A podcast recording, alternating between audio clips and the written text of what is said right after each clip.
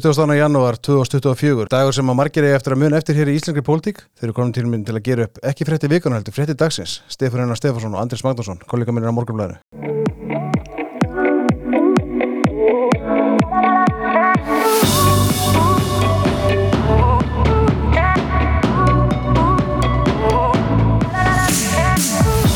Það held ég nú, við erum velkomnir.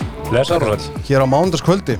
Þetta er hérna dagur sem að, já eins og ég segi uppæði, margir er eflust eftir að muna lengi. Uh, sko, hvað hefur að byrja? Það er, við verðum auðvitað að byrja því kannski bara á máli Svandis og Svæðastóttur, matvaráðara. Já, Sendum ok, henni já, okkar, okkar allir bestu kveður. algjörlega og bara bestu batakveður og skjótar Já. Nú þarf hún að fá ráðrúm og, og sér hún til að takast á við þetta mikla verkefni Já, og er nú ekki reyndar eins og hefur komið fram óbyrgulega ekki í fyrsta sinn sem að uh, hennar hús tekst á við uh, alvarlega veikinda þessu tagi, tagi. við búum sem betur við, við það að eiga öflugt helbreyðskerfi sem að getur gripið fólk með þeim hætti sem að við reynda þekkjum líka og það er vonandi að þetta gangi bara allt vel en það sáum við það að það bara var undir einskripi inn og bara sendi leifi giftin og spítal og að gera eitthvað já.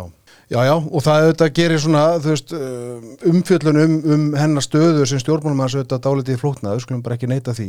Aðdraðandinn að deginum í dag, ég meina það lág fyrir að það er lögð fram vantrústilega á hendur henni í dag, Já, sko, þetta er meirinn aðdraði, ég menna þetta er langt tilhlaup. Ég segi það, frá, alveg frá því í sumar. Já, og uh, já, við getum sko kannski í, í þessari lótu sagt síðan að álit umbúrsmanns alþingis kemur fram að menn vissu að það myndi hafa einhverja afleðingar og menn spöru við þessi stóru orðina ímsum ástæðum í, í talsverðan tíma uh, ráðarann ákvaða að hérna, hún þurfti og hún og, fólki í ráðandinu þurfti tíma til þess að rýna álitið betur og það verður hundur ekki neitt átækarlega langt Mhm.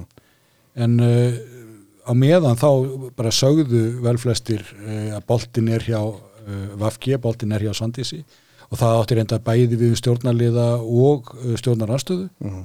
uh, margir bara reyndu að, að, sagt, koma málinu af sér það ætti heima hjá ráþarannum og hún er þekknin að bera sér þessar sakir sem að, að, að umbásmaður hafi komist að. Og það voru ekki litla sakir, við skulum uh, ekki glema því. Nei, nei, alls ekki.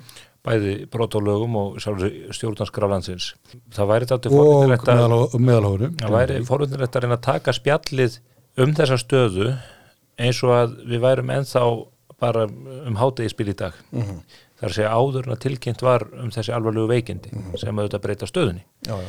eh, og það þarf aðeins að rýna í sem að hefur ekki gefist það ráðrúm til þessar hugmyndir eða þessar tillugur sem að hún kemur fram með í, í morgun.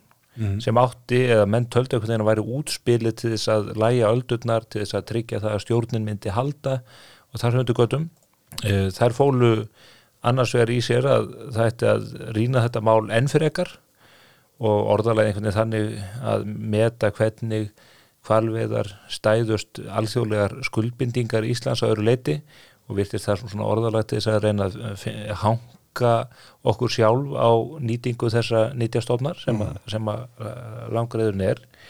Og hitt atrið sem að var auðvitað með hreinum ólíkindum fól í sér að fela utan á komandi aðla að semja nýja löggjöf um kvalveðar eða um kvalamál og uh, það, það auðvitað leggur ráðra fram að því að hún var búin að lýsa því yfir að þessi lög væri bara úrrelt, væri bara hún svo gömul nánast bara eins og þau væru frá tímum Hammurabis eða Salomons konús Já, já, að það liggur náttúrulega fyrir að lögin voru brotin en Já. eins og við fjallaðum áður hér að hún auðvitað gaf þau skinni mitt eins og þú segir að lögin væri ú- úr sig gengin og væri úreld og allir átt að sjá því að uh, réttu fyrir til að verið að kalla þá þennan þriðja aðlega hvað sem er til þess að semja nýja löggjöf, koma Já. henni gegnum þingið og, og breyta svo eftir henni nýju löggjöf en ekki að brjóta þá löggjöf sem að þingið er sett og vanvirða þar með stopnununa sem að hún starfar í umbúðinu frá.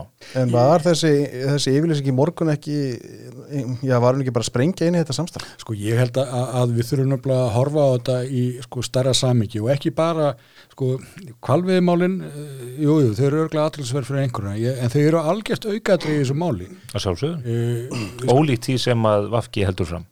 Já, já, ég meina ekki gleyma því hvernig máli varð til að, að uh, það er grípi til þessa kvalviðbann sem einhvers konar sko hemdarástöðunar eða einhvers líks uh, vegna þess að Bjarni Bendisson hafi sagt eitthvað um útlendingamálinu og tröppum bestastæða eitthvað áleika og þá var vaðið að staðdægin eftir með þetta til þess að valda usla.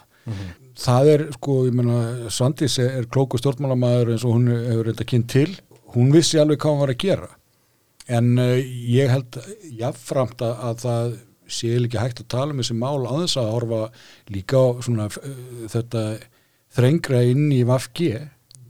Skulum ekki gleyma því að hún hefur rætt kappi við uh, Katrín Jakobsdóttur fórstræðara og, og uh, það er Hefur, hann ekki styrt stöðu sinna kakvart henni? maður, manni sýnist að það hefði gerst svolítið jú í fyrra sérstaklega maður veit ekki alveg það sem að afið þessu ári þetta var svona aðeins meiri vandragangur heldur en að, og lengri heldur en að margir byggust við en uh, jú, hún styrði svolítið ferðinni þarna í, í sumar og var svolítið að stilla mönnum við veg bæði sínu eigin fólki og samstagsflokkonum Mhm. þannig að uh, henni varð talsett ágengt við það og leti engan bilbu á sig finna og muni þegar að brjálaðast allt upp á skaga. Hún bara mætti þanga og tók fundin gerði það bara ágætlega fyrir sinn hatt uh, þeir voru ekki dána með það sem hún sagði en hún mætti þó að minnstu kosti. Já, já, nú komið nú að látið þar rullunni, Andrés, sko, þetta, eh, auðvitað var þetta fleitn í samstarfi og hinn endanlega fleitt þessi yfirlýsing í morgun. En það virðist þó vera sem að er þetta stór merkilegt mál að, að það er eins og að Svandís hafi bæði tekist að svínbeigja forsætsráðurann sem hefur ekki stjórn á eigin ríkisjórn, það er, það er ein manneski sem ræður meiri í henni heldur en hún, það er Svandís Svástóttir, og tekist að svínbeigja þingflokk sjálfstæðarflokksins því að eh, hann er bara búin að vera væplast með þetta mál og, og talað einhvern veginn tungun tveim og þreim og, og, og ekki einhvern veginn getað sendt hinn skýr og réttu skilabóð um það að e, þetta stjórnarsamstarf myndi ekki lifa það af að þetta ástand eh, heldist óbreykt. Nei, það er náttúrulega einmi- einmitt sko vandins á að uh, þeir eiga þarna í höggi við Sandísi sem að, var með sko fleiri en hérna eitt markmið í þessu. Jú, jú, hún vildi pyrra sálstæðismenn og vildi að það sæjist, vinstra fólk uh, á Íslandi sæji að hún leti sko, hún var ekki trett við sjálfstæðismenn, hún geti búið þeim byrkin. En sömulegis var hún náttúrulega að stilla verkstöra ríkistofnuna svolítið upp í vegg. Að segja, erðu, ég geti bara farið mínu fram hérna. Mm og uh, það er í þýljósi sem við þurfum að horfa á þetta. Og ég held að uh, Svandis hafi ákveðið síðasta sumar, heyrðu, þetta gengur ekki neitt lengur. Uh, flokkurinn okkar er að missa fylgi endalust ég verð að grípa til að minna ráða vegna þess að uh, þetta mun ekki ganga öðruvísina að ég splöndur þessa ríkistjón og uh, hún er búin að vera að sko leggja inn svona jærsprengjur lón og dón Já, en uh, það er kannski að setja einhvern fókus á átökum milli hennar og Katrínar og, og stöðu VFG en aðal spurningin er auðvitað hversu mjög má reyna á þolrif sjálfstæðarflóksins og ef að Hver, hversu mikið reyndi á hann dæmis? Þegar maður voru að velta fyrir sér hvað er þetta að gera í þessu þeir voru ekkert að velta því fyrir sér. Formaður flokksins bara vildi halda þessu stjórnarsamstarf áfram og er seinþreyttu til vandræða og ætlaði bara að kingja þessu. Þetta var aðeins flóknar eftir því sem mér hefur heyrst. Já, já, ok. En, eh, bara, það, en það var allt saman- Það vissu allir að það var bara sögulegur ómöguleiki öðru en því að sjálfstæðarflokkur myndi bara láta þetta yfir sig ganga og missa áfram fylgi. Það er mjög merkilegt að hugsa til þess að staða sjálfstæðarflokksins nú og ekki síst eftir að þetta mál eh, spannst með þeim hættir sem það gerir er veikari staða sjálfstæðarflokksins er veikari núna 21. eða annan janúar uh, 2024 heldur en eftir bankarhunnið 2008 lesist staða sjálfstæðarflokksins hefur aldrei í hans lang, löngu og miklu sögu næstu í 100 ára sögu verið að vekk og það er vegna þess að menn virðast vera tilbúinir til þess að bara kissa vöndin út í eitt og ekki láta steita á málum sem að varða jafnvel stjórnarskrábrot og auðvitað borgarlega þengjandi fólk sem að er eins og formaðurinn seinþrættið vandraða það lætur þetta ekki bjóða sér svona enda löst og þess vegna reytist bara fylgið af flokknum áfram. En hefði svona, ef, ef, ef, ef ég reyna að taka aðeins til vartan fyrir þingflokkin það er þið nú ekki í fyrsta sinn. Þá hérna, já sko hef, þessi þáttur ætti að heita nöðvörnin Nei, alls ekki. Hérna, he- hefði samt ekki narratífið alltaf verið þannig að sjálfstaflokkan hefði gengið út á samstarfin út á kvalviðum að því að stjórnarskrárbrotið og brota stjórnskslugum það er einhvern veginn aukatri í sjálfur sér. Nei, nei, það er ekkert aukaðatriði fyrir utan það Já, í venjulegri umræðu er það aukatri Nei, nei, menna, flokkunum þarf auðvitað að útskýra fyrir fólki, flokkunum þarf að tala og það þarf að senda skýr skilabóð sem mann hefur ekki geta gert. Þau eru búin að tala svona einn og einn þingma að digubarkarlega um þetta í viðtalsþáttum eða einhverjum uh, færsluminn á vísið MBL en svo kemur bara í ljós að þau standa bara öll og sitja eftir viljaformansin sem ætlar bara út í eða óendanlega að, að bakka upp þetta stjórnarsamstar og klára þetta uh, kjörtempil Sko, ég held reyndar að þetta hafi nú verið aðeins og flóknar það er út af því að þessir gömlu íhalskurvar eins og Andrés þeir, þeir, þeir, það er eitt ógeðslegt orð sem að þeir uh, hafa tönlast á mjög lengi nú, uh, nú, nú svona miss, nokkur að missra skeið. Og það er stjórnfesta að bara stjórnfesta, stjórnfesta sama hvað það kostar. Og menn eru bara tilbúinir til þess að, að gera hvað sem er. Og við sjáum það bara á framgöngu flokksins að hann er búin að láta yfir sig ganga núna í sjö ára virki ekki neitt, við erum komin í orkumandræði þeir hafa haldið landamærunum galopnum þannig að Ísisliðar eru nánast komin inn í sóknanemnd í Akureyrakirkju áður en að uh, loksins tekst að hafa upp á þeim og síðan En þú, virkjunamál og útlendingamál, Nei, nei. þetta eru máli sem að sjálfslokkanu er haldið á. Ég, býtu, ég, ég, ég er bara rétt að byrja utan lenguna, já, þið getur bara að fara fram í kaffi Heyrðu, svo er það hérna, stjórnarskrárbrot og atvinnufrælsismál sem að var þetta, uh, þessi kvalviðimál en það eru líka fleiri mál það er til dæmis þessi mál í Grindavík sem að menn ætluðu núna að nota sem í raun afsökun fyrir því að það var ekki hægt að slíta stjórnunni fyrst og að kjara samning menn uh, týna alltaf hvert hálmstráð og fættur öðru til þess að segja við getum ekki slítið út af þessu. Við getum ekki slítið út af þessu. Heyrðu, það þurfti að reysa einhvern varnargarð utan um svartsengi sem að tók nokkrar vikur að reysa og kostaði tiltölulega lítið fjö hvað var það fyrsta sem að varaformaðu sjálfstæðarflósins og ný, uh, nýr fjármálráður gerði? Það var að hækka skatta á sama tíma og fórustum en sjálfstæðarflósins í Garðabæ er að hækka skatta og tala um að það uh, kalli á pólitíft hugur ekki að hækka skatta í Garðabæ. Allt er þetta á sömu bókina lært. Það er engu líkara en að flokkurinn sem á að standa vörðum þessa stefnu sé búin að svifta sjálfan sig sjálfströstinu hann þorir ekki að tala fyrir því uh, erindi sem að- er eina ástæð þess að hann er til. Og núna þegar að menn vitum við ekki nákvæmlega hvernig þetta hefur farið út af þessum veikindum, þessum hræðilegu fréttum af matvælaráðra en ég hef bara tilfengur að menn hefðu bara hérna, hrist þetta af sér einhvern veginn eins og erfiða timburmenn eftir þorablót hjá K.R. sko Hvað segir reglulegu gestur á Káar? e, sko ég hef nú ekki farið að þakka í mjög mörg ár en uh, ég held að, ég meina það er margt uh, til því sem að Stefán hennar segir og ég held að uh, sko þarna sjálfstaflokkurinn er búin að vera í meira átt að vandra að maður hluta til vegna þess að einfallega Svandís hefur skákað honum eins og mörgu öðru.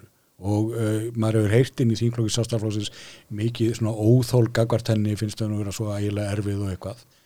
Uh, en samt sem aður sko að hafa er hoppað og stokkið eins og hún hefur alltaf planað. Og maður bara, þegar maður sá þetta útspilið mitt í morgun þá var það fyrst sem maður dætti í huga, ok, þetta er bara skák og mát. Síðan kemur setna á daginu ljósa að þetta er nú aðeins öðru þessi vaksisund en uh, það er samt sem áður þarna eru bara vandraða mál sem að sjálfstæðarflokkurinn sko getur lítið gert í annað en að segja já, heyrðu, það var einhver hérna ráð þeirra rétt okkur fingurinn.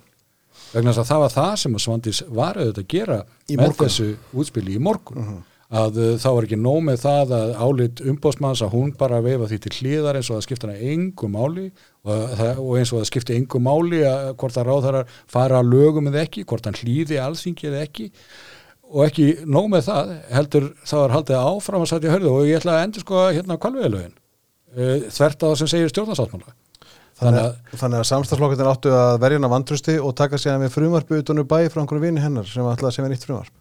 Já, ég meina, sko, hún getur ekki sko, Þá, þá voru skilabóðin í morgun. Já, já, segant, eins og hún setti þetta gambulu þá gátt hún ekki tapaði, annarkvort fengi hún allt sem hún vildi e, þarna megin og geti þá bara síðan tekið til við að smíða hérna næstu þess að- kapsæklastöndina eða þá bara stjórnum myndi springa á þessu eða ef þeir hefðu farið inn í vantraust umræðuna að þá hefðu kannski tveir þingmið, jafnvel þrýr þingmið sástaflósins greitt atkvæði með vantraustinu einn kannski tveir seti hjá eh, restin verið með.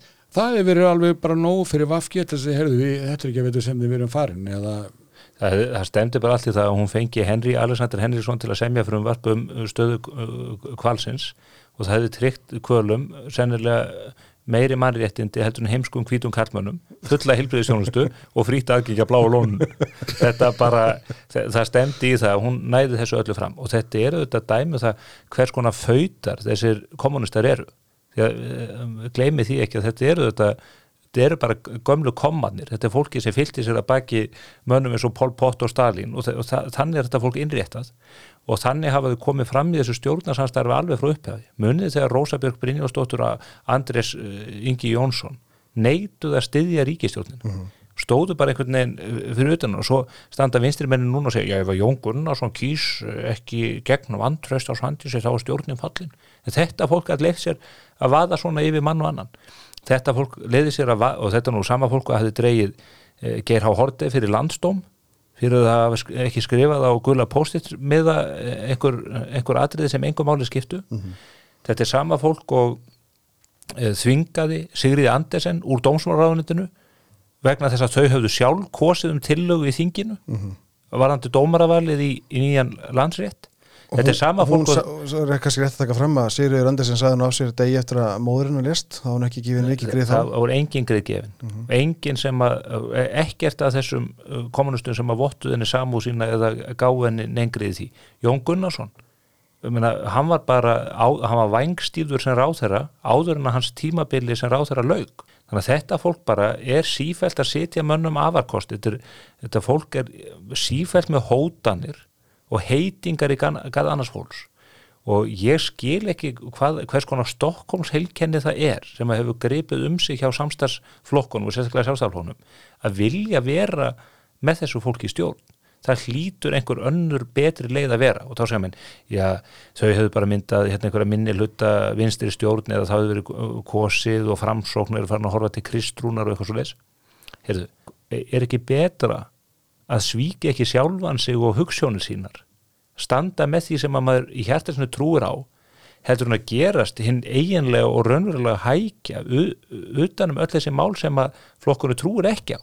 Hann er búin að gera það í þessum skattahækkanamálum hann er við það að fara að gera það í einhverjum velferðarpakka fyrir Stefán Ólafsson bara ráð þeirra sjálfstæðarflósins í fjármálaðandunu virðist verið að fara að skrifa undir einhverja glærukynningu Stefáns Ólafssonar í eflingu. Já, heldur það sé að fara að gerast. Já, já ég held það, ég held að það sé ekki það sem að málinn hafi steikt á. það mér ekki stranda á því. Nei, ég held að það hef ekki stranda á því. Mm. og, og svona erum við búin að horfa upp á þetta. Frábær grein eftir ástu fjálst eða fórstjóra festi í viðskiptablaðinu núna sem að uh, margir hafa verið að benda á mm sem sínur það hvernig uh, báknið vex og vex á Íslandi. Fjármálar á þeirra fyrirvænandi sem er núna orðin utveiklisaðura setur á ráðningarbann hjá ríkinu til að draga úr launakostnaði. Það hefur hver ríkisfórstjórn og fætur öðrum tekið sér til í kjölfarið og auglist stöður samskiptastjóra. Mm -hmm. það er nýr samskiptastjóri hjá Havró manneskja sem er bæði læs og óskrifandi.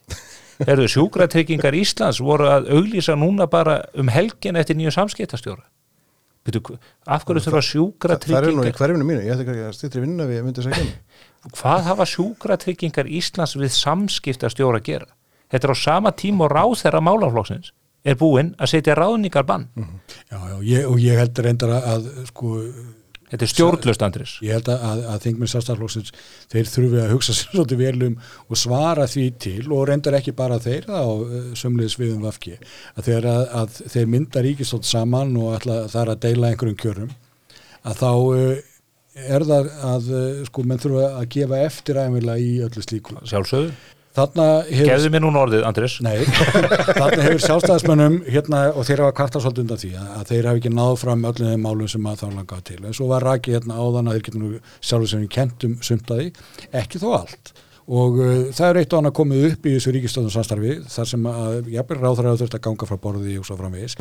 En það hefur aldrei verið lagt upp með þeim hætti að það sé það bara stjórnaslitamál uh mhm. -huh. bara alls ekki. Og uh, það hafa komið upp mjög erfið og þungmál sem að hefur delt harkala á þeim og suma hefur látið niður falla og, og svona.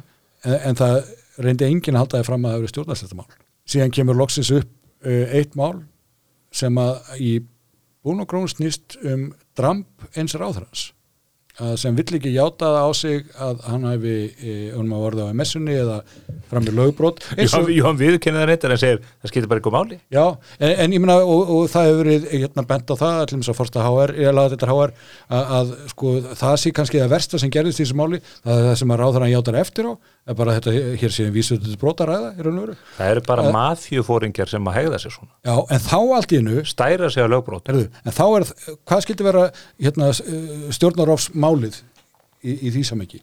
Er það það að sjálfstæðismenn brjálist og segja, heyrðu, við getum ekki verið í ríkstjótt með hérna lögbrótið? Nei, nei, nei, nei, nei. Það er einhver skildi, sko, bara að láta sér þetta í hug að verja hann ekki fyrir lögbrótin. Mm -hmm. Að þá er það allt í norðu uh, stjórnarsildamál. Það er þetta sem er bara afskaplega erfitt fyrir þetta lið að útskýra. Erfitt? Sko, það er, það er fáskrif sem að ég haft eins mikla ánægja af á síðust árum og, og vikulega greinar Ólafjörns Kárássonar sem er svona einn öflugastu hugsunamæðurinn á þingi. Byrju, ámaður að hlusta á þetta meir? Já, ég... Nei, ég meina, á fixið mitt að vera að lesa um hugsunar á miðofnum okkans og horfa svo upp á þingið funkar eins og það gerir með þetta fólk inn á þingi. Ég ætla auðvitað ekki að taka af Ólafjörni það sem hann hefur gert en maður mað er bara einhvern veginn úrkula vonar um að, sko, ef að það steitt ekki á þessu, ef að menn átt að kingja þessu, hverju munur þeir ekki kingja? Jú, og ég er algjörlega saman á það og það er bara stór hættulegt mál sem að þeir þurfa að útskýra fyrir kjósendum vegna þess að öll okkar stjórnskipan hún kvílir á þessu. Kjósendur munu mm. útskýra fyrir þeim. Já, jú, jú, nákvæmlega. Af hverju þetta gengur ekki og þetta er að verða svo, þetta verður svo dýrkæftur í Íslands þjóðfélag, nú við. Menn þess að, stjórnfestan þín Andrés? Sem að þið viljið, stjórnfestu menninir þið, þið, já, halda áfram að ránkóla augunum. Já, ég það skulle gera ekki aukþurkað þessu. Nei, vegna þess að, að þú tókst að mér orði hérna ég, það sem ég var að reyna að segja hérna var Þú varst að tröfla mig Nei. eða tröfla þig. Hey, Nú gegst á langt, Stefán, og nú skálar við mig. Og er það í fyrsta sinn. Hvað eru að drekka þetta, Stefán? Kanski svona smá út Þetta er nú, já, ég var að reyna að róa er, er time out? Ég er bara svona að reyna að dreifa, dreifa umræðinni ég, ég vil fara að innlega hérna reglur handbóta svo að Andris fá hérna tvær mínútur og við sendum fram í tvær. Svo ég fáið frið til að ranta hérna. Þetta er tvígrip á glasinu Þetta er ólöguleg blokkering. Herðu, Rúli Lakri, þetta er bara kvítvín frá Burgundi, frá þessu þorpi. Einnar ekuru dásamdar 2020 var hugsað til þess að kæla mannskapin Já. en svo ég haldi hérna áfram. Og virkar greina bara alls ekki neitt. Nei, en þetta með stjórnskipuna, ég vil fá að koma að stjórntestuna stjórnskipun landsins. Já. hún kvílir á þessu að við kjósendur, við kjósum okkur þingmann það velst ríkistofn hérna í, úr þeirra hópi. Þeir þurfa að verja hana hérna vantrösti eða búa hana til. En það gengur ekki að ráþeirar fari ekki að vilja þingsins að það hlýði ekki lögum ef ráþeirar kennst upp með bara einhver smá frávikið því þá er þetta allt í voða vegna þess að hvernig ætlar að stoppa það næsta og það næsta og það næsta alltaf muni er útveik að segja heyrðu þetta mjög komur lög og hérna ég fór bara einu miljardi fram á fjárlögum, hvað er vandamáli hérna? Sko Katri Jakobsdóttir sagði áður en á tryggjötu veikindin dag að, að hún teldi þetta ekki afsatnarsök það, það er að segja þessar frangat Sami fórsætsráðurinn og leiðtóin sem hefur verið með ofbóðslega íbyggin svipi við Sigrið Andersen og Jóni Gunnarsinni og fleiri ráþærum sett ofan yfir fólk án þess að hika. En svo þegar þessi ráþæra á hlut þá er bara allt annað hljóðustrokkin komið vegna þess að þau telja það gildi allt aðra reglur og allt önnur lögmál um sig heldur en aðra. Þau segja enda í sinni pólitísku afstöðu allir jafnir nema ég En hvað sagði Svandís aftur mástu á fundunum að ígistöðum þegar að, hérna ígistöðum fundur að ígistöðum síðla sumars? Já, þar sem að hún eh, í rauninni afturkallaði þetta bann Jú. við kvalviðum sem segja heimilaði kvalviðar á ný að þá talaði hún um það að ráþærar gætu hún bara ekki gert það sem síndist jú, jú, hérna þetta var viðtal sem að, að ég sjónastöðnum tóku þarna ég sá þetta á, á, stöð 2 í dag. Og þar bara segjum það fullu fjötum eða spyrir hennar hvers konar samfélag menn haldið það að væri sko, ef ráþeirar færu bara eh, hérna ekki að lögum nema eftir því sem að þeim henda að þeir væru bara þú veist með hérna sína skoðanir og eldu þær. Svo finnur hún bara skálkaskjól í þessu fagráðu þarna sem að reynda lögin segja að aðeins matverðarstofnun megi leita til. En hún bara tekur sjálfkvætt, það er bara skamhlaup á milli þannig að hún nýtir sér þetta fagráð sem að vera þetta er- vanhæft og algjörlega en það er ómöguleg bara algjör steipa, það er bara eins og með fara að ræða eitthvað hér um sko, hérna, hvort að biskupin var rétt kjörin eða ekki og spyrja söngmálastjóra þjóðkirkjunar um álið sko og það réði. það er nú ekki vitlausasta hugmynd sem ég hef heyrt. En þetta, en, en, enda þetta, barnabað Sigur Björns í embætti söngmálastjóra núna. Þetta ítrekkar náttúrulega það, það sem við sögum þetta áðan sko. þetta snýst í rauninni ekki um kvalviðar per se heldur um Nei, stjórnsýsluna og hva, hvernig þetta en framkvæm Vafki reynir að láta þetta snúast um hvalverð að því að það er svo tilfinningatengt mál. Og það er verið að keira þessi mál öll á tilfinningum. En aftur er spurningin út af þessu stjórnfestu randi ykkar, Andrés þú veist, á Þú ert hverju eini maður sem glemur að tala um stjórnstu því já, stjórnfestu randi okkar þá eða líður betur með það. Að það er þessi spurning hvað hefði þurft að gerast til þess að slíta þessu samstarfi? Er bara, lítur sjálfstæðarflokkun svo á að fyrst að hann hafi hoppað upp í rúm með Vafgi á einu tíðanpunkti að þá beri honum bara út í rauðan döðan hvað sem það kostar að tryggja það að stjórnin haldi velli og já, flokkurinn greinlega heldur það vegna þess að Svandi sem er búin að kveika þeirri peru, hún átt að sjá því að sjálfstæðarflokkun ættar ekki að slíta þessi ríkistjórn lítur þess að þægilu ráþæra stóla og ráþæra bíla sem svo ofbóðslega mikilvægt mál fyrir sig að haldi í að hún geti uh, teimt menn fram af bjargbrúninni æ ofan í æ. Já, ég, ég veit ekki sko hvort kostin ég að velja fremur þarna, en, en ég held að hafa nokkuð að fara upp í Vafki með það- Vafki eða fara fram samt að ég ég- alltaf fara beinalið fram af bjargbrúninni sko.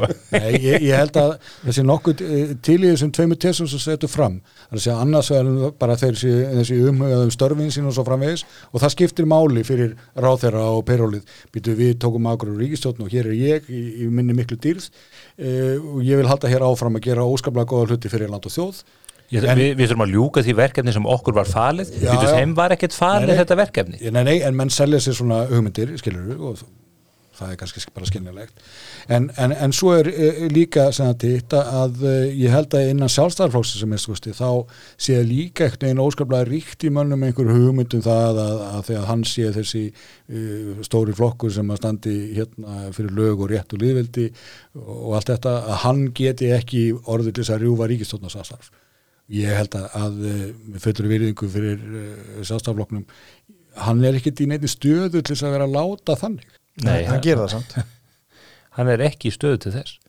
Men staðan er bara þannig að flokkurinn er, er uh, komin langt undir 20% hann mun í næstu könnunum mælast enn lagra vegna þess að það er fullt af fólki sem er að fara að snúa baki við honum uh, út af þessu, það er engin að fara að ganga til liðsveðan fyrir þetta og mjög margir sem að munu þó gefa sig sem stuðnismennars munu vera fullir efasemda um það að hann sé verkinu vaksinn það er stór hætt á því að í komandi málum sem að verða tekin fyrir þinginu munni miðflokkurinn tósa til, til sín fylgi.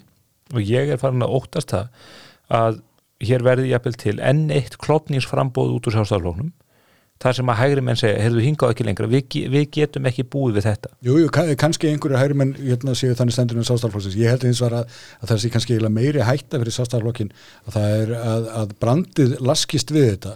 Vegna að, að það er náttúrulega ekki öll þjóðin sem að er að sökka sér nýður það að hugsa einhverjir pólitísk smáatriði málsins.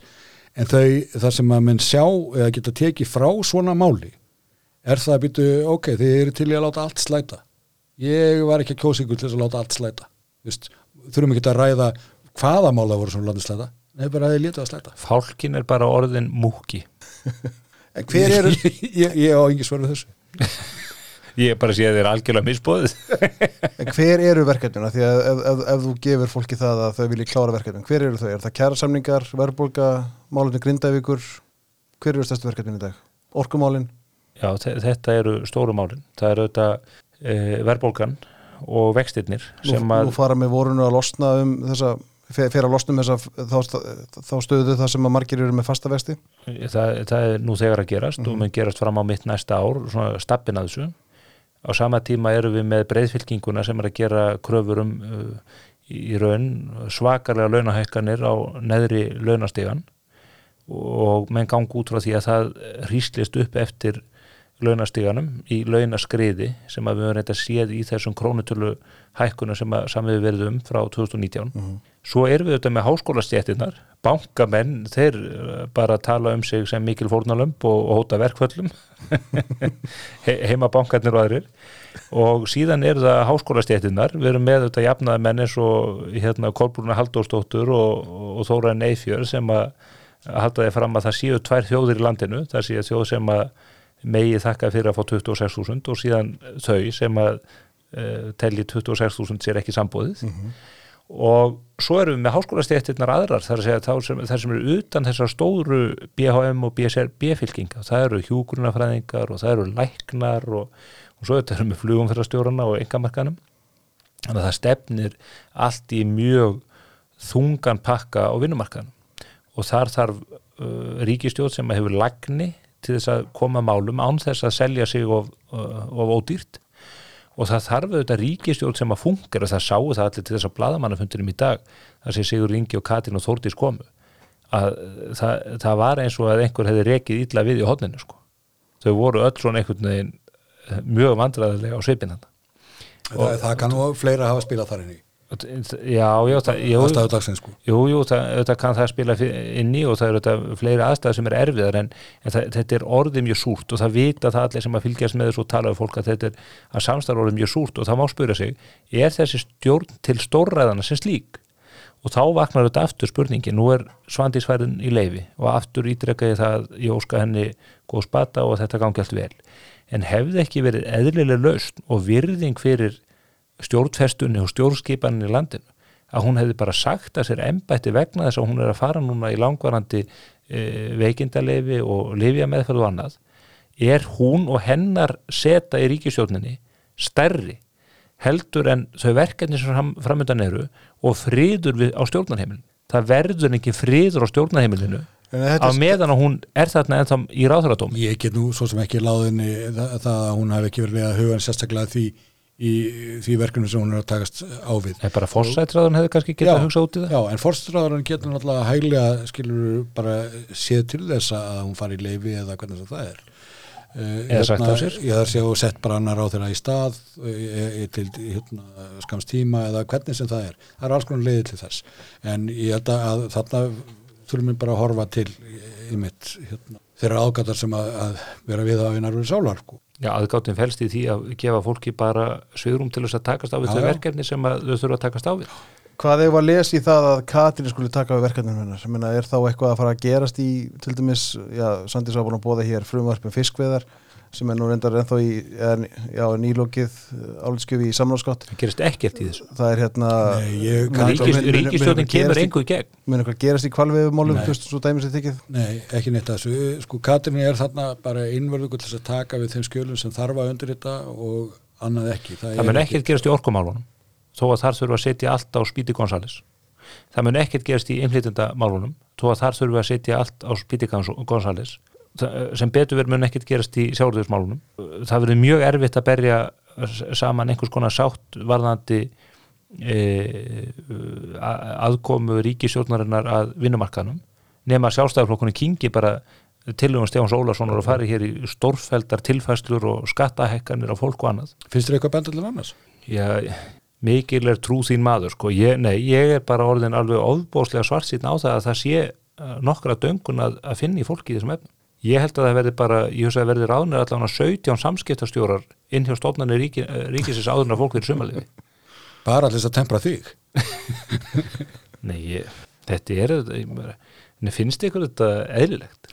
Nei, nei, ég, ég sko held að þarna hafi menn einhvern veginn svolítið fengið glíu hérna af öllu gullinu að því að menn sjá bara, já, heyrðu, tekið ríkisins aukast og ég meina, heyrðu, við höfum margt við það að gera.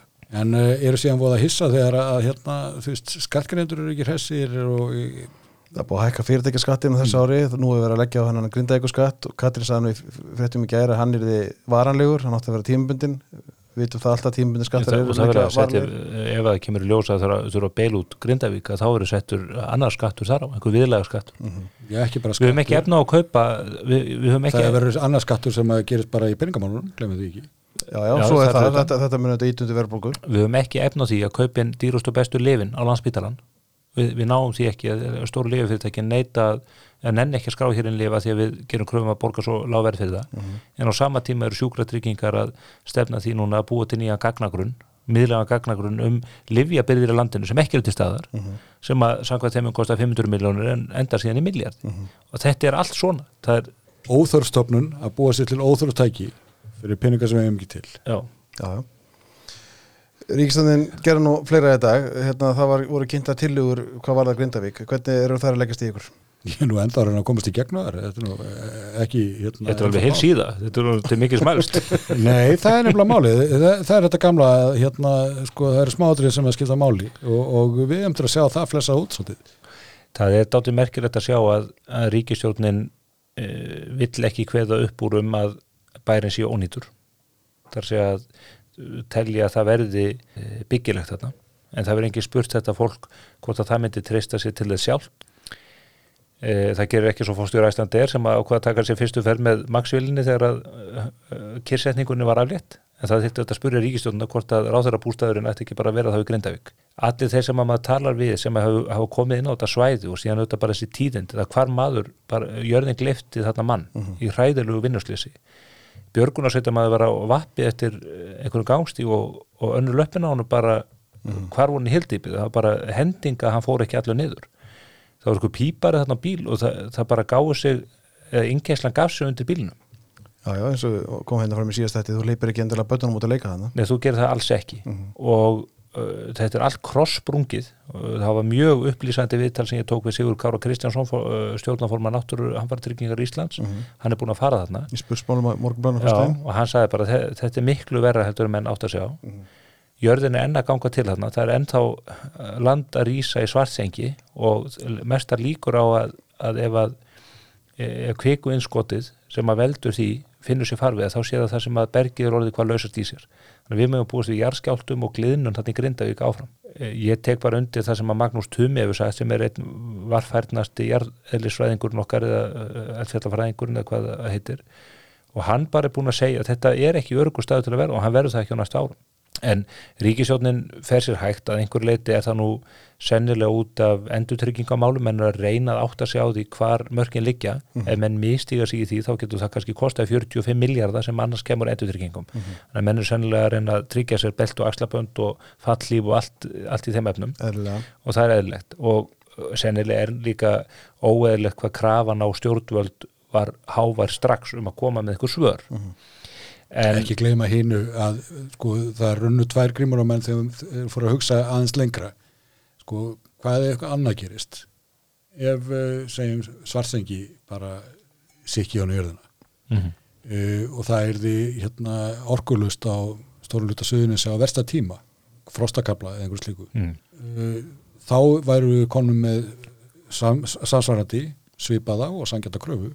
Mm en þjóðum myndi ekki ráða við það þjóðum ræðu við þetta en hún ræður ekki við miklu meira Grindavík er enda sérstaklega illa í sveit sett hvað þessi mál varðar, við erum þetta líka með Reykjanesvirkjun sem að getur annað að hluta til hérna, Reykjanes og annað. En auðvitað þurfum við að koma úr suðnesjalínu og öllum þessum verkefnum sem að Vafki og Landvend og þetta lið hefur staði vegi fyrir, það er þjóðar öryggismál núna, en það verður stöðvæði nú er þetta ríkistjórnarsamstarfi sem er svo mikilvægt að tjáslu upp á en eh, það sem að var kannski forvitnilegast fannst mér og enn eitt dæmið um það hvernig sjálfstæðarflokkurinn er bara búin að kasta einn hvítahangklæðinu það verður þessar tvær tillugur sem að já, svona skáru mjög í augun. Og það var annars vegar Þú veist þessi tilhjóðan sem var kynnt fyrir í dag? Já, Já. að- það er annars vegar það að, að ríkistjórn eða ríkið ætlar að ráðast í stórfelda húsnæðsubyggingum og það er bara vittjósasta hugmynd sem að hægt er að hugsa sér. Ég þarf að segja ef mann vantar húsnæði. Já, ríkið á ekki að gera það. Það, það þarf að ríkið á að búa til umhverfi sem gerir markaðnum kleift að gera það og það er hægt að gera með því að létta álögum á byggingar innan, hvort sem það er vegna með lóðaverði, lóðaframbóði eða skatta álögum og öðru slíku. Þannig að það að þeir ætla að fara að vera með puttan í þessu er alveg ótrúlega. Hvernig dettur þú að grindvikingar vilji þykja íb, ríkis íbúðir úr höndum Katrínar og Bjarna og Sigurðar. Það er alveg fráleitt. Hitt atriðið ríkislausn, enn einn ríkislausnin. Það er að takmarka le, skamtíma leigu á íbúðarhúsnaði það er að segja Airbnb eða það er að segja í tengslu við ferðarþjónustu þá bara sér þetta að eitthvað fólk sem á íbúður hér í Reykjavík eða í Keflavík eða hvað það er þá skerða eignarétt fólks. Það má ekki ráðst af þessum eignum sínum með þeim eðlilega hætti að ákveða að leiða þessar íbúður til skamstíma frekar heldur en til ást og, og hvað er það skilt til að leiða ríkinu íbúðuna eða Já, hvernig? já, bara eins og ég meina, við vitum það alveg að út af uh, þessum mikla flóttamanna ströym og hælisleitendum hérna hefur auðvitað uh, hafa ofinbæra stofnanir yfirbóðið allan leigumarkaðin Mhm. þeir eru gjörsamlega sett leigumarkaðin á annan endan hér á síðustu tveimur árum og nú ætlaðu að býta höfuð sinni skömm og, og taka núna eignaréttin af fólki sem að, á eignir og hefur verið að búa sér til tekjur með því að, að leia til ferðamann eða annara eh, til skamstíma Já, ég held að eh, sko, þetta lið þyrfti að hafa hugfast að, að svona ráðstafanir hafa oft aðrar afleðingar heldur en eru ætluð. Ég segi svo hugurum að, að uh, ríkisvaldinu verði ekkit sérstaklega kápan úr þessu klæður. Nei, ég held að það sé bara alveg hárétt hjá þér en, en þó að þeim verði ekki kápan úr því klæðinu þá erum við búin að valda tjóninu sko, og valda Já, skadanum með því að krukki í kerfinu. Og það er það sem er mér svo skrítið nú erum við með öflugan fjármálráðra sem að á að sjá í gegnum svona. Lausnin er ekki svo að fara þessa rí, að ríkið leysi alla skapaða hluti. Ég maður heyrði endrómin af því innan ríkistjórna það væri einhverjar sko deilur milli stjórnaflokkana, þeir væri hver með sína frábæru löst á þessum málum einhverjar, mjög flókið og skrítið og, og allt svona sko. Þannig að það getur einfallega verið að við séum að horfa upp á bara einhverjar lausnir sem að voru hérna gæsla bara lausnir sem voru fyrsta tilbúnar eða hérna bara urðu ofan á milli tveggja flokka. Eh, hvernig svo það er? þetta er bara allt orðið svona. Stjórnmálflokkarnir voru allir á hausnum og þá var ríkið að beilað út. Fjölmýrarnir voru allir á hausnum og þá var ríkið að beilað út. Já, að þessum fólk- líka frábæra aflögu, þeir fara hver á öðrum á hausin að því að fólk ekki að því að eh, fólki í bioparadís getur ekki fundið rekstralega grundvöld fyrir því að endur sína stelu orlofi og home alone að þá þarf ríkið að borga, að borga það inn 78 miljónar ári. Já, hvers eiga skattgreðendur og bara hugsandi fólk að gjalda í þessum fýblagangi og svo lendur í alvöru vandræðum eins og í Grindavík og þá, og þá er ekki til skiptana og sem betur verið þetta er þessi hamfaratryggingarsjóður mjög öflugur en ég spái því að fólk mun ekki treysta sér til að búa þarna. Það er eitt er að segja, jú það, það er byggilegt þarna, annað er að segja eða að fá fólk til þess að snúa tilbaka. Og það er alveg ljóst að jafnveg að fólk snúa tilbaka þá er eigna rýrnunin orðið gríðarleg bæði vegna skemmta og út af því að fólk lítur á þetta sem bara stigmatæð svæði. En veistu, ég talaði við Grindvík og, og þau sko gera sér nokkur ljósa grein fyrir því að þarna hafið þau orðið fyrir bara, veist, verulegur eignarskenningu uh, gera sér sömulegis grein fyrir því að ef þeim hérna, ef ríki kaupir upp húsin eða eitthvað svoleiðis, að þá eru þau að taka sko annað högg þar. Mm. Uh, en þau eru orðin svo langþreytt á ástandinu að segja bara þá það. En Það við er- verðum að, að, að komast einhvern veginn með fastland í, í sko ólegri merkingu það þarf bara sko, Grindavík stendur bara á skriðjökli. Myndur búa á skriðjökli? Nei þetta er allt krossprungið og hreyfingu. Bara á sunnudaginn fyrir viku síðan þá færðist gliðnaði bærinu meter heilan meter, ekki 20 cm Já, nei, ég, meina, ég held að það sé megnið að fólkinu alveg komið á þann stað sko. Já, ég, þetta sé ekki hægt má ég varpa hér fram dátið svona kaldranlegu mata á þetta? Ég byrð fólk að fyrirgefa mér það. Ég ætla bara að fá að horfa aðeins fram í tíman ég held að e, Ríkisjóður Íslands og við Íslendinga við stöndum frammi fyrir 153 miljardar höggi af þessu. Og af því vonandi fást 45 miljardar í formi e, endurtrygginga.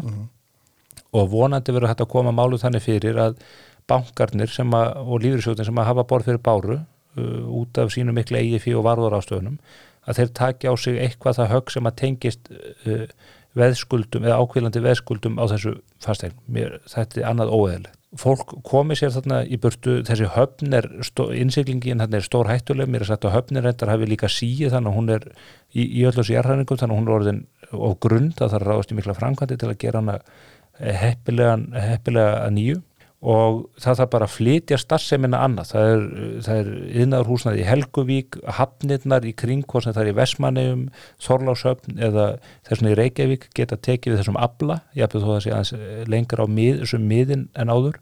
Og Grindavík er bara í raun og veru bara eins og Pompei okkar Íslendinga, eða Tjernobyl okkar Íslendinga, þetta er bara einhvern veginn þetta er staður sem að Guð yfirgaf. Og það eina sem að við getum gert þegar að svona eitthvað fyrir að gróa um sárin og, og svona ríki fyrir að setjast er að tengja þetta inn á jarðsögu Íslands að þetta geti orðið reynilega ferðamannastaður, dreigið fólk að sér eh, sem uh, minjar um ógurlega atbyrði, bara þá ógurlegustu sem að við höfum lifað bara síðan í móðuharðindunum. Og sem betur þeir fer geta nú orðið óurlegri en sko. Já, já, og þetta er ennþá yfirstandandi. Ég trú að því að, að, að þessi magnaða saga þó hún sé óleg og hún geti dreigið að sér gríðalega fjöldafólks, bara eins og bláalóni gerir og við skulum vona að bláalóni standið þetta allt af sér eins og virkjunni svarsengi og að ríkisjóður í formi umsvifa í tengslum við þessar heimsóknir eða þessa aðtekli geti þá uh, halað inn tekjum sem að nemi einhverju samsvarandi upphæðum yfir einhver ára tímanbíl þetta er kaldar eitthvað eitthvað fram með tíman það er auðvitað óþægilegt að tala um þetta að vita að þetta grindvíkingar er í sárum og þetta er, þetta er allt mjög tilfinningatengt. Ég held að menn verði að horfa kalt á þetta með þessu móti. Og því fyrir sem að ríkistjórnin og auðvitað fórsættis að hann tekur að skari með þennan veruleika eins og hann blasir við okkur e, því betra fyrir Já, en heldur sko að, að ég meina, það er gott að blessa að segja já, vonum að ríkisjóður halin veginn það tekjur af auknum ferðamnaströmi út af því eða eitthvað. En sko er eitthvað sem bendir til þess að uh, það sé vera auðvelda fólki í landinu? Það sem að býr til arðin í landinu og sko það gerist ekki í kjallari farmálarransins það var engin verðmæti til í vesturbænum. Svo því sem hætti til að það eina góða sem hefur komið frá vesturbænum er, er hérna melabúðin og káir og aðalega því að káir vinna ykkar leiki sko, þeir eru ekki Hættu alveg. Þeir- Nei, en sem sagt, aturlífi hérna, ef það er bara haldið áfram að, að þrengja því, ef það er, má ekki hérna virkja hérna og það er ekkert að þessu gerist, hvernig ætlar þú þá að mala meira gull? nú sínist mér eh, gísli vera búin að setja tíkall í trúðin nú er Andrisson að segja eitthvað vitið þetta? Nei, nei, þetta er bara rétt og alltaf verið að varpa sjávarútunum í, í óvissu og alls konar atvinnugreina sem eru hér alltaf einhvern veginn, þú veist, er alltaf verið að valda þeim. Sjávarútveginu, þú heldur hérna út í hlaðvarpi sem að gengur út á stanslösar árásur á ferðarþjónustuna það, það, það, það er hvergi eins miklu útvarpað um mikilvæg þess að hækka skatt á ferðarþjónustuna og eitthvað, eitthvað það að ferðarþjónustu ég veit ekki um neina ríka þjóð sem er ekki með ferðarþjónustu þannig að ég held að það væri rétt að þú kallar þessa menn hérna í setti aftur og letið þá byggðast afsökunar. Ég vil að ég byrðist afsökunar fyrir þeirra hönd. ég, ég held að það væri nú nærað að bara byggðast afsökunar það,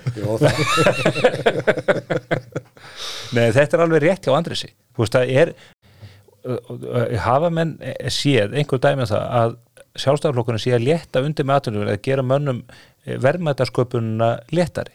Jú, menn tala um aukna orkuöflun. Menn tala um að ebla samkeppnishæfni sjálfurðsins menn tala um að ferðarþjónustan sé eina burðastóðun og menn vilja að hugverka innan sér öflugur og allt þetta.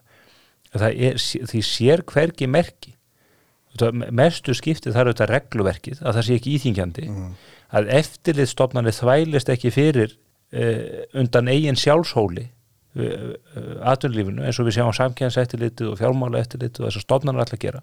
Og eh, maður hefur auðvitað bara áhyggjur af því. Þess að það, er þarna sem að hérna, og ég hef nú, ætla þetta að sé tólta sem ég nefnaði hér í þessum þáttum. Við erum með fólk sem heldur því fram inn á þingi, heldur því statt og stöðut fram að verðmættasköpunin verði til í ofinberi þjónust að stafsmenn fjölmiðlanemdar með pislaskrifum sínum með aðrætt og jóla þar sem þeir krefja fólk í jólabóðum um að vísi heimildir þegar þeir heldur frá skoðunum sínum.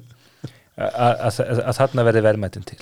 En ég sko, ég meina ég, vil nú ekki taka alveg jafn djúpt í árun og, og þú um það að Það hér, hafi, fyrsta hér, hafi, hér hafi ekkert gerst auðvitað hefur miðað á ímsinsviðum svo framvegs, en mér finnst farðu yfir það. Ég veitu, en mér finnast stjórnvöldins mitt of áhörlus um það að, að sko, að íta undir vöxt. Hvar hefur, mið, hvar hefur miðaði rétt átt ég, ég held að það er ímislegt laga í, lagast í sangvinsfallinni og svo framvegs hvernig, hvar? Ég er bara því miður ekki með tölunar en getur þú sínt mér hvað það hefur farið aflaga já, það Já. get ég gert. Tölur ég, núna? býtu, ég, ég, ætla, ég ætla að ná hérna í áskýslu sankjæðansetting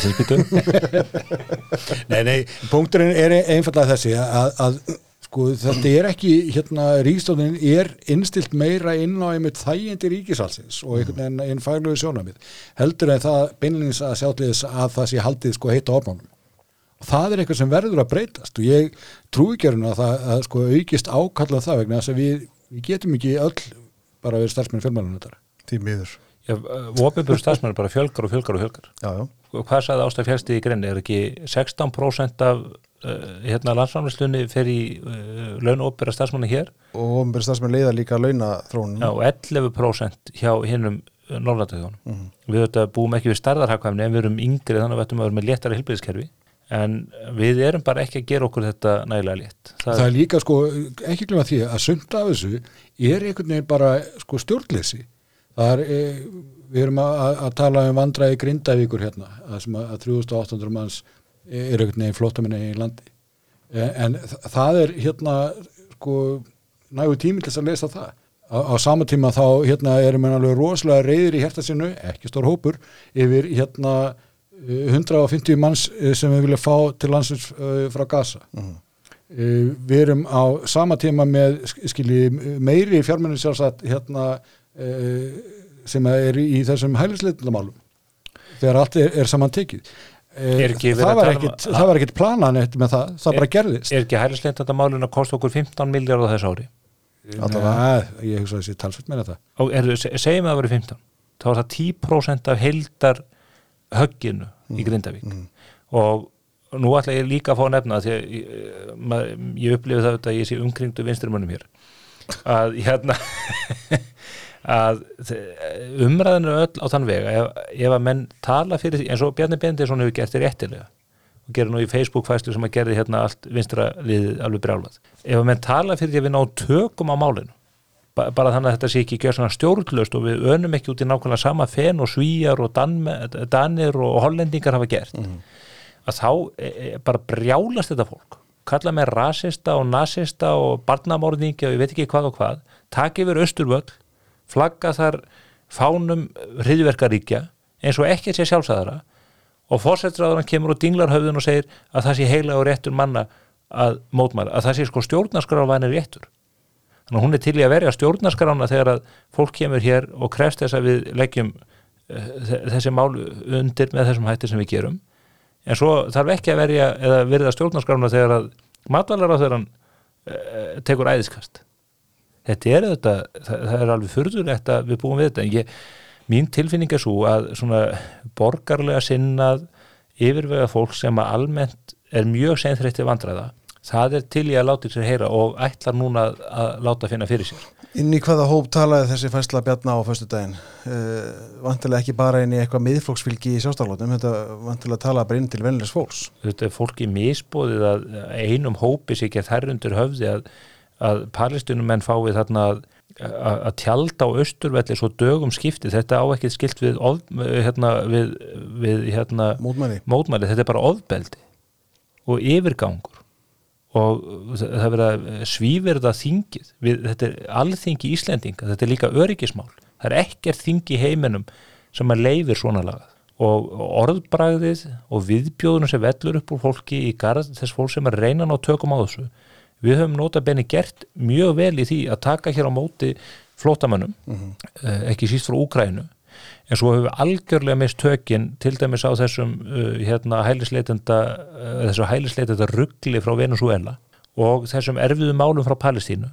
Og við höfum til dæmis séð og það hefur nú verið fjallað um það í ákveðnum fjölmiðlum að ákveðin hluta þessu fólki sem er að kalla eftir þessum fjölskyldursamenningum hér og annað er fólk sem að lýsir yfir stuðningi við Hamas samtökin sem eru hriðverkasamtök sem að myrtu fólk og nöðguðu því og svívertu 7. oktober og eru enn að stefna að því og vilja að eitt líðræðisríki fyrir bóttum miður að, sé, að því sé eitt af yfirborðið jarðar Og fólkinu með. Þetta eru stuðnismenn Hama-samtakana sem eru hluti af sellu Írana sem eru með hútonum sem eru að rústa öllu uh, við, uh, við við. og Hesbóla samtökin í, í norðri, í Líbanon Mhm. Og þessu fólki finnst ekki nema sjálfsagt að hleypa þessu fólki hér inn. Ég er bara þeirri skoðun að við eigum ekki að hleypa fólki hér inn sem að stiðu hriðverkasamtök Ísesliðin sem að var tekin á Akureyri sem var búið að afhenda einbýlishús og var komin þetta með konu sína og sex börn. Ég hef heimildi fyrir því að þessi maður hafi verið búin að myrða fjölda manna. Þetta var ekki endurskoðandi hjá Ísis eða tölvu sérfæðingur hann hafði bara persónlega myrt fjölda manna þessi maður gekk bara eins og fýtt maður á, á meðan fólks á Akureyri fór bara þar út í búð og inn í Eymundsson og fekk sér kaffibólla þar og hann hefði alltaf skemmt að fara bara inn á eitthvað leikskóla þar eða, inn í mentaskólan eða inn á eitthvað öldrunaheimilu og, og náð fram vilja sínum eins og þessi menn hafa gert í Sýrland og út um allt. En það er nú líka, sko, ég held að þú, þú sagði að við höfum gert vel í, í þessum málum. Ég er endur ekkert vissum að svo að sé. Ég held að við höfum gert, uh, sko, einhvern veginn tala okkur geta gert meira heldur en við raun og verum færum, sumt yfir einhvern veginn fengið að bara vaksa af sjálfu sér, en við erum ekki að taka neitt aðskaplega vel á móti þessu fólki. Krakkarnir eru ekki að fá nám við hæfi og hérna, börnin okkar er ekki að fá námið Nei, nei, og, það, og veist, og, og þetta er allt saman hluti sem maður þarf að taka á og að því að nefna þennan ísisliða og hérna á Hamas. Skulum hafa í huga, ég var að skoða um daginn eh, sko, sko demografíuna á Gaza og, og Vesturbakkanum og hvernig það allt væri í læginu og þeirra palestinumar sem hér eru komnir. Og þá sér maður hvað er rosalega mikið af köllum hérna, tveir þriðju af palestinumarbrum á Íslandi. Ungum og miðaldra köllum. Já, já, þetta eru eiginlega mest ungir ungir kallmenn. En eh, ef þú skoðar lífræðina á Gaza, að þá sér það sáhópur að hann er uh, svo svo stór, þetta er náttúrulega mikið börn þarna, en uh, þetta eru um 450 manns í þessum aldurshópi á Gaza, það er nú ekki meira. En ef þú hérna horfið síðan á hvað voru margir í Hamas samtökun, félagar sem er bara sko eins og fasista 30.000 Mm. Svo voru- hvað voru margir síðan hérna sem voru embatsmenn á þeirra vegum, ekki endilega félagar af því að þetta var eins og alvöru svona fastaflokkur, þú þurftir að sækja um til þess að fá að vera og það var svona svolítið að kissa ringin og allt þetta. Uh, Þannig að þar eru sjálfsagt um, um 5-10 manns í viðbútt. Svo ertu með hérna, kassamherdilnar og, og fleiri slíkar þannig að þú ert að tala um að sért með kannski sko 60-80 mannsanna. Það þýðir það að í þessum aldurshópi kallmanna að þá er það um 1 sjötti, sjötti hver. Þannig að ef inn til Íslands koma allt innu frá Gaza uh, slatti af ungum kallmönnum þá þarf það að brjóta svolítið lögma tilvíluna til þess að enginn þeirra sé með minnstu tengslu Hamas mm. og, veist, og það má vera svo sé en ég leiði mér að fullera það að við munum ekkit um það vita vegna þess að það er enginn að grafist fyrir um það er, er lögreglan hefur kallað eftir heimildum til þess vinstri grænir og píratarnir sem að virðast nú bara verið fullri vinnu fyrir Hamasamtökin þeir hafa bara komið í veg fyrir það að það sé hægt að koma í gegn hér löggjöf. Þannig að lög, löggjæslen hér standi jafnfætis öðrum lögregluvöldum og geti bæði tekið við og miðlað upplýsingum um þetta fólk. Ég ídreka að hér var Ísisliði fluttur úr landi og sérfræðingar hafa sagt það eru fleiri svona menn sofandi eða uh, já, sofandi úlvar hér á meðal okkar Já, Og eða, eða og- bara sem er að flýja ástandið skilur og ég ætla að fá já, já, nú, já, nú myndur hún eitthvað segja að þú setja al á hatri já, þegar- já, ég ætla að- einmitt að fá að adressa það. T- ég er ekki alveg á hatrið með þessu. Við viljum taka vel á móti fólki sem að hinga kemur. Ég hef tekið þátt í því að taka hér á móti og aðstóða úkrænskar fjölskyldur sem hafa hinga komið til hans út af þessum uh, hörmungum sem þar geisa. Við viljum taka vel á móti þessu. Já, vini frá miður Östurlöndun sem að hér búa hafa by- byggt sér heimili og, og, og, og lifa hér góðu lífi. Þannig að það á ekki við. En þetta fólk sem að mun kalla mig rasist eða nasist eða hvað þau gera verða þeim bara góðu þau vilja ekki að þessi umræða eigi sér stað af tvennum ástæðum. Þau vilja auðvitað ekki að almenningur átti sá því hversu alveg ástandið er. Og með því að leifa umræðuna þá missa þau valdið yfir okkur. Þetta er valdatæki höndum gömlu kommana. Byttu, byttu, byttu, menn sem hefur að koma í veg fyrir umræðu þess að viðhalda völdum sinum það er til einhver orð við þá. Sko á sama tíma í mitt og maður sér að, að uh, það er verið að útrópa mannis og, og bjarna fyrir hérna, það er verið með eitthvað, eitthvað svona tiltölulega almenn sjónamenn svo það að við þurfum að færa regluverki í þessum málum nær því sem gerist á hinn Norrlöndunum sem að sósjaldemokraterni hafa sem að reyði haldið að væri ekki stórkostlega umdelt en það er ekki einu snið sem hann væri sko að segja við verðum að gera það heldur hann bara svona mælt með að menn færi í þá átt en þá er hann strax útrópað sem nazisti, fasisti, rasisti eða hvað þetta er sko en ef og þú ert að velja hérna skástóðin sko. já, já, eða Já. bara. Nei, en, en sko, en þegar mér er fattin að kalla allt fasisma og rasisma, þá missa orðin algjörlega Það er bara þá, gott. þá, þá er bara ekkert látum þetta fólk bara nota þessi orð eins og oft, látum þetta fólk bara öskra sér hást á, á, Nei, vegna þess að það eru alveg hlutir sem við þurfum að eiga orði yfir. Við, já, við verðum við munum áfram nota þau og almenningur skilur þau sko. En þetta fólk verður ómerkingar í orð, umræðunni út af því hvernig það talar og hvernig það gengur fram. Sjáu eins og með svíjana sem að er að fást við þennan vand og búin að gera lengur en við þeir eru búin að kalla út herin þeir ráði ekki lengur við vandan við höfum ekki her til að bregðast við. Hvað ef að þessir menn ganga göflónu sem eru hér og hafa þennan bakgrunn? Það eru þetta menn í, í hópi þeirra sem hafa látið hvað hæsnar og austuvelli í þessum tjöldum sem hafa ekki aðeins líst í yfir bara í viðtölum við uh, merkilegustu rannsóknarbladamenn Íslands svo maður segir nú ekki meira um það að þeir styðji Hamarsamtökin sem að nú eru nýja rannsóknar búin að sína fram á það hvernig þeir fóru og þeir nöðguðu konum og skára af þeim brjóstinn lifandi. Mm -hmm. Jafnvel, stung, sko, marg stungu eru bakið á meðan þeir voru að nauka þeim. Þetta eru svo hrottafengnar og yfirgeng eh, sko, villimennskan er svo yfirgengileg að það er ekki hægt að ímynda sér hvað þarna gekk á. En þessi menn lýsa samtíðu stuðningi við það. Og þeir fá bara valsa um, um östurvöld þar sem þingmennir okkar meðal annars konur ganga bara hverjum degi. Og e, síðan eru það þeir sem að e, hérna, tala fyrir því að við hefum að gefa eftir gagvart öllusu fólki og gal opna landamærin og ekki að skoða í einu en einu tilliti hvernig, e, hvernig þetta fólk hefur gengið fram eða hvaða skoðanir það hefur. Og, og svo segja mér, ég hefðu býtuð þetta er allt fólk sem er að leita betri heimu og allt í góðu. Já, já, en því miður er stór hluti af þessum hópi ekki hinga komin til að samlagast okkar samfélagi. Þá er einslu að hafa breytar, þá er einslu að hafa danir, hollendingar, belgar og, og, og, og það er kannski helst Luxemburg sem hefur verið löst við þetta og Sviss og varnaðaróðin eru þessi. Ef að menn taka ekki á þessu núna, yfirvegað og af stillingu og af virðingu við mannslíf og það fólk sem að sannarlega bátt þá munu öfgaöflin ná tökum í landinu. Því að almenningur mun að lokum gefast upp. Gert Vælders sem hann er eh, hérna núna undirtökunum í Hollandi eða vinnu þannig kostningasegur þetta er maður sem hefur farið alveg út á istumörk í orðaræðu um múslima og, og fólk úr, frá öðrum menningum og yfir. Og já, yfir þau mörk hann er völdum að því að almenningu segir hingað ekki lengra. Mm. Að því að þið ætlið að setja undir því og víkja undan öllum gífurriðunum eins og menn hafa sínt af sér í Garð Bjarnar Bendissonar út af hans mjög hófsömu færslu á Facebook þá leiðum við það yfir okkur. Og ef það er það sem að menn vilja AFD og allt þetta rugg að bara veði menn, mönnum að góð Eldur að laðvar þjóðmála verði gert fyrir haturs orðræðu, gerur þess að þáttar? Bara, já, já bara eins og MBL fyrir að, hvað var það?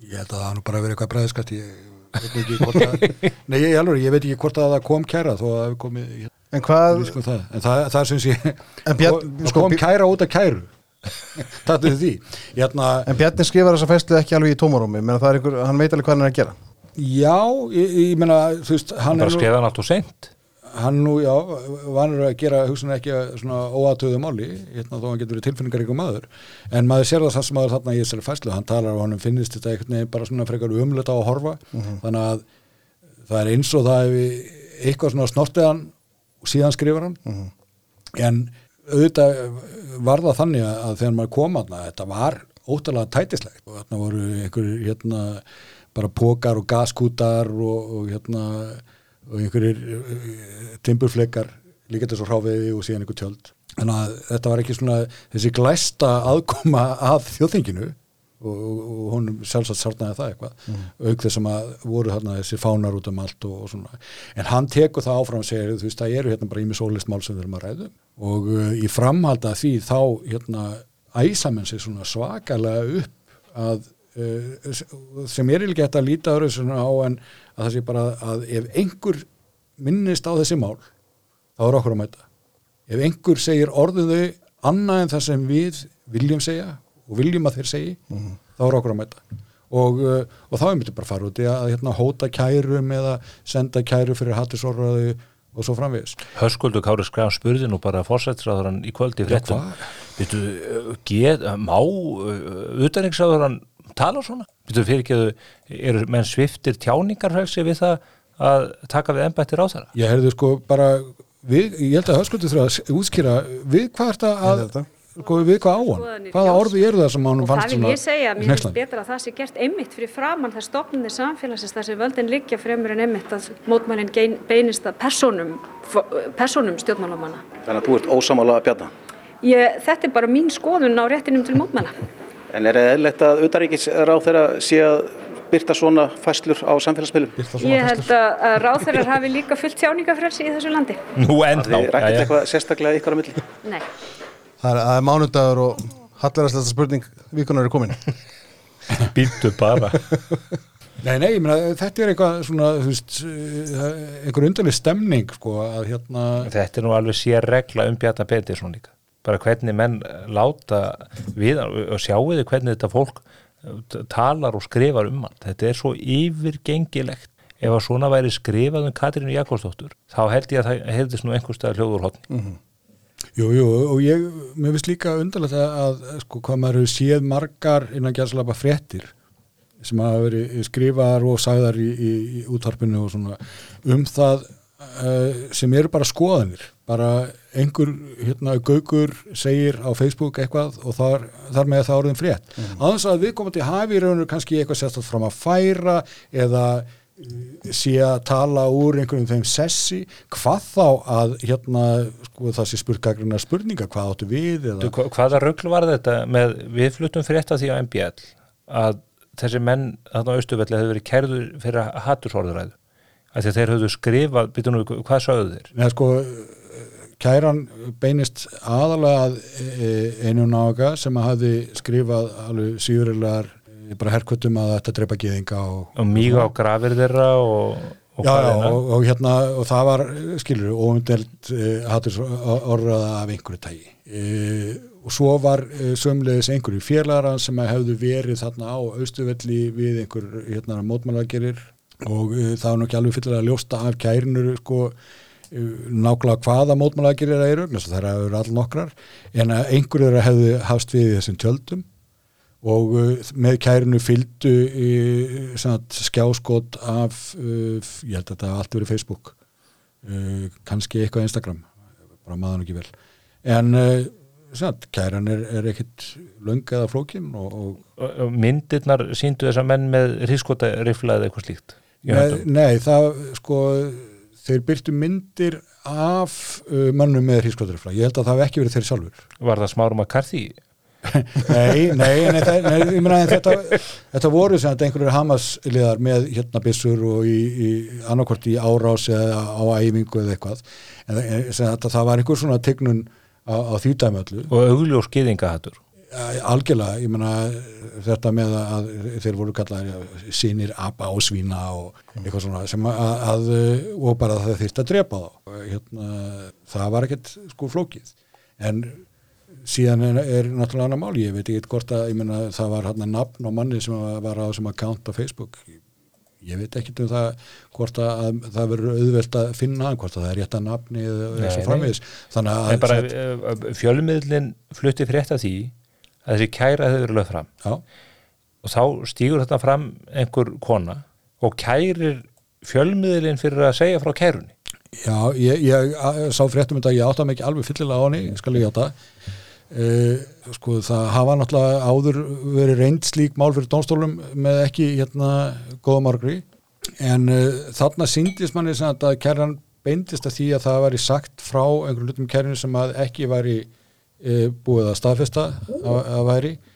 Og sömulegis að uh, hún held að uh, spjald sem að sást þarna á ljósmynd sem að grímuklættu maður held á þar sem að var með hann að sagt að sko við förum hvergi og við munum berjast að mér skildist að hún vildi menna að hún hefði sagt, ætti þetta spjald en ekki hinn grímuklættu maður.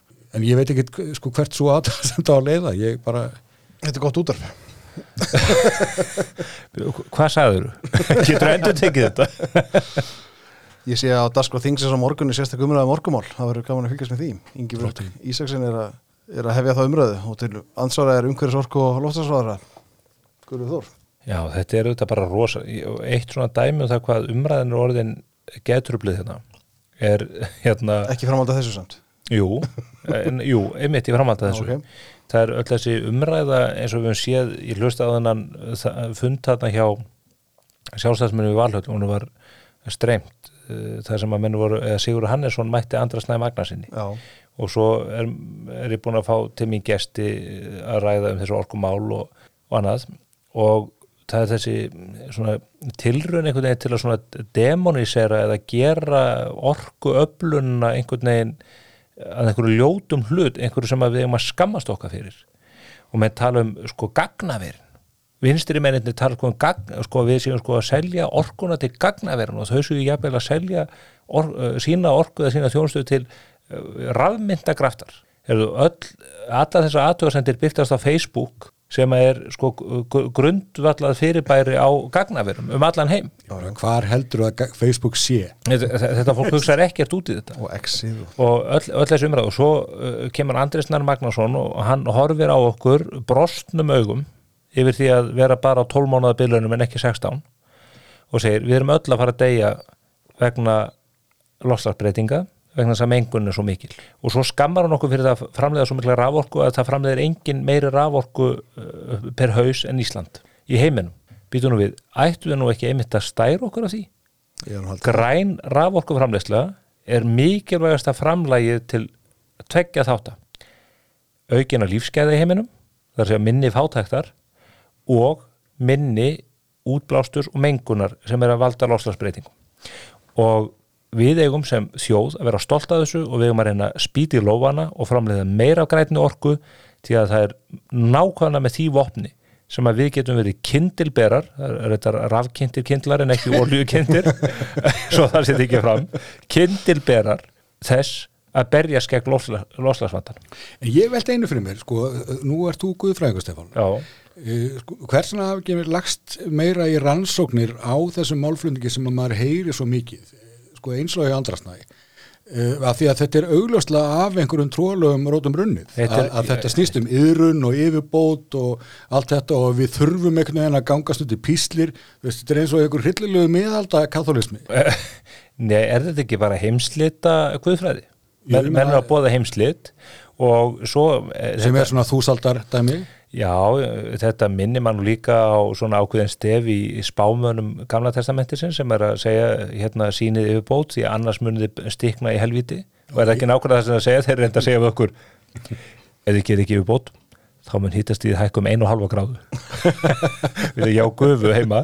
Og ég, stundum við með hann í 90 gráðum og stundum 100, það er 10 gráðum munur. Ég finn enga mun, bara láti þess að einu og halva gráðu koma við mig, ég mun þóla það. Ég sagði ekki ykkur Teresa að við myndum öll stikna. Jú, jú Andris bara komin í ofnbjörnbókina Já, Nei, ég það var bara að vita í að samu utakarsmenn þjóna. Ég- Nú, ég ætti að vera að vita í það. Já, sem er heita spurði líka. Er nöðsynlegt að skjóta þá? Er þið að fara að segja þetta gott? Nei, nei, Það er hérna við erum rétt að byrja eh, Andris er rétt að rakna úr rótinu Við erum konar að vera, til að vera sko. Það eru mjög stór mál, þetta er þessi dagur í dag sem að við erum að gera hér upp uh, mjög stóra mikill og það er von stóra tíðenda við auðvitað mænum auðvitað dálítið á svartsengi og landrisi þar og, og það hvað geti gerst næst þarna á Suðunisjónum auðvitað á hugur okkar fyrst og næst að vera hjá því fólki sem að finnur til og er að upplifa alveg gríðarlegar gríðarlegar hamfarir. Það var þetta mjög mögn þessi frétt í morgun um það að það hefði orðið þessi gliðnun upp í heiðmörk. Það er nú bara rétt hjá heimili mínu upp í urðaholtinu við erum á miklu breytingaskeiði á þessu svæði. Er það ekki það sem að maður ætti líka að sakna sko, ég meina, ég, maður skilur að við þurfum að sinna málunum dagsins. Ljóslega eru í Grindavík eða hjá Grindavíkingum en jarðvægandi segja okkur að við séum komnir inn í skeið, jarðsöðu skeið sem muni vara í að minnstugusti ára tugi mögulega aldrei Mm. þá er sirkvar fleira sem undan mun láta það bara blasir við blæsum við og uh, þá þurfum við að, að fara að huga því sko með hvaða móti getum við uh, mætt því hvaða varur ástöfning getum við gert að einhverjum hluti þurfum við hugsa að lifa með einhverjum hlutum og bara þóla það að við þurfum að lenda í 50 til 100 miljardar hérna klessu á 10 ára fresti Já. eða á meðan að náttúruhanfartryggingin gerir ráð fyrir því að við sem að lenda á tveg- 200 til 300 ára hresti í 25 miljardar tjóni sko. Við lendum í 55 miljardar tjóni í Vestmannum 73 höfum lent í mörgum og þetta líka vestur er mannskaðin þar sem hann verður. Þetta voruð því fyrir gríðarlega mannskað á 20 stöldin í, í sjálfutveginum og síðan auðvitað í snjóflóðunum og á Patrísferði Seyðis, uh, hérna á Norðferði uh, Súðavík, Flateyri og víðar. Og síðan núna þessar hamfæri sem að því miður kostuð eitt mannslíf en hefðu getað þetta kostað fleiri mannslíf ef að vísindin og, og fyrirhyggjan hefðu ekki verið við völd. En jú, jú, við þurfum að hugsa langt fram í tíman, kannski jafn langt og einar ben sem að orti hvað bindur vorn hug við heimsins glaum sem himnaarf skulum taka. Ég, ég get ekki orðað þetta betur. Nei, ekki ég heldur, en það gerði einar það. Ein, eina sagðum þetta. Herra drengir, takk fyrir komuna. Séum þetta gott í byrji Takk svo liðis Takk að þér.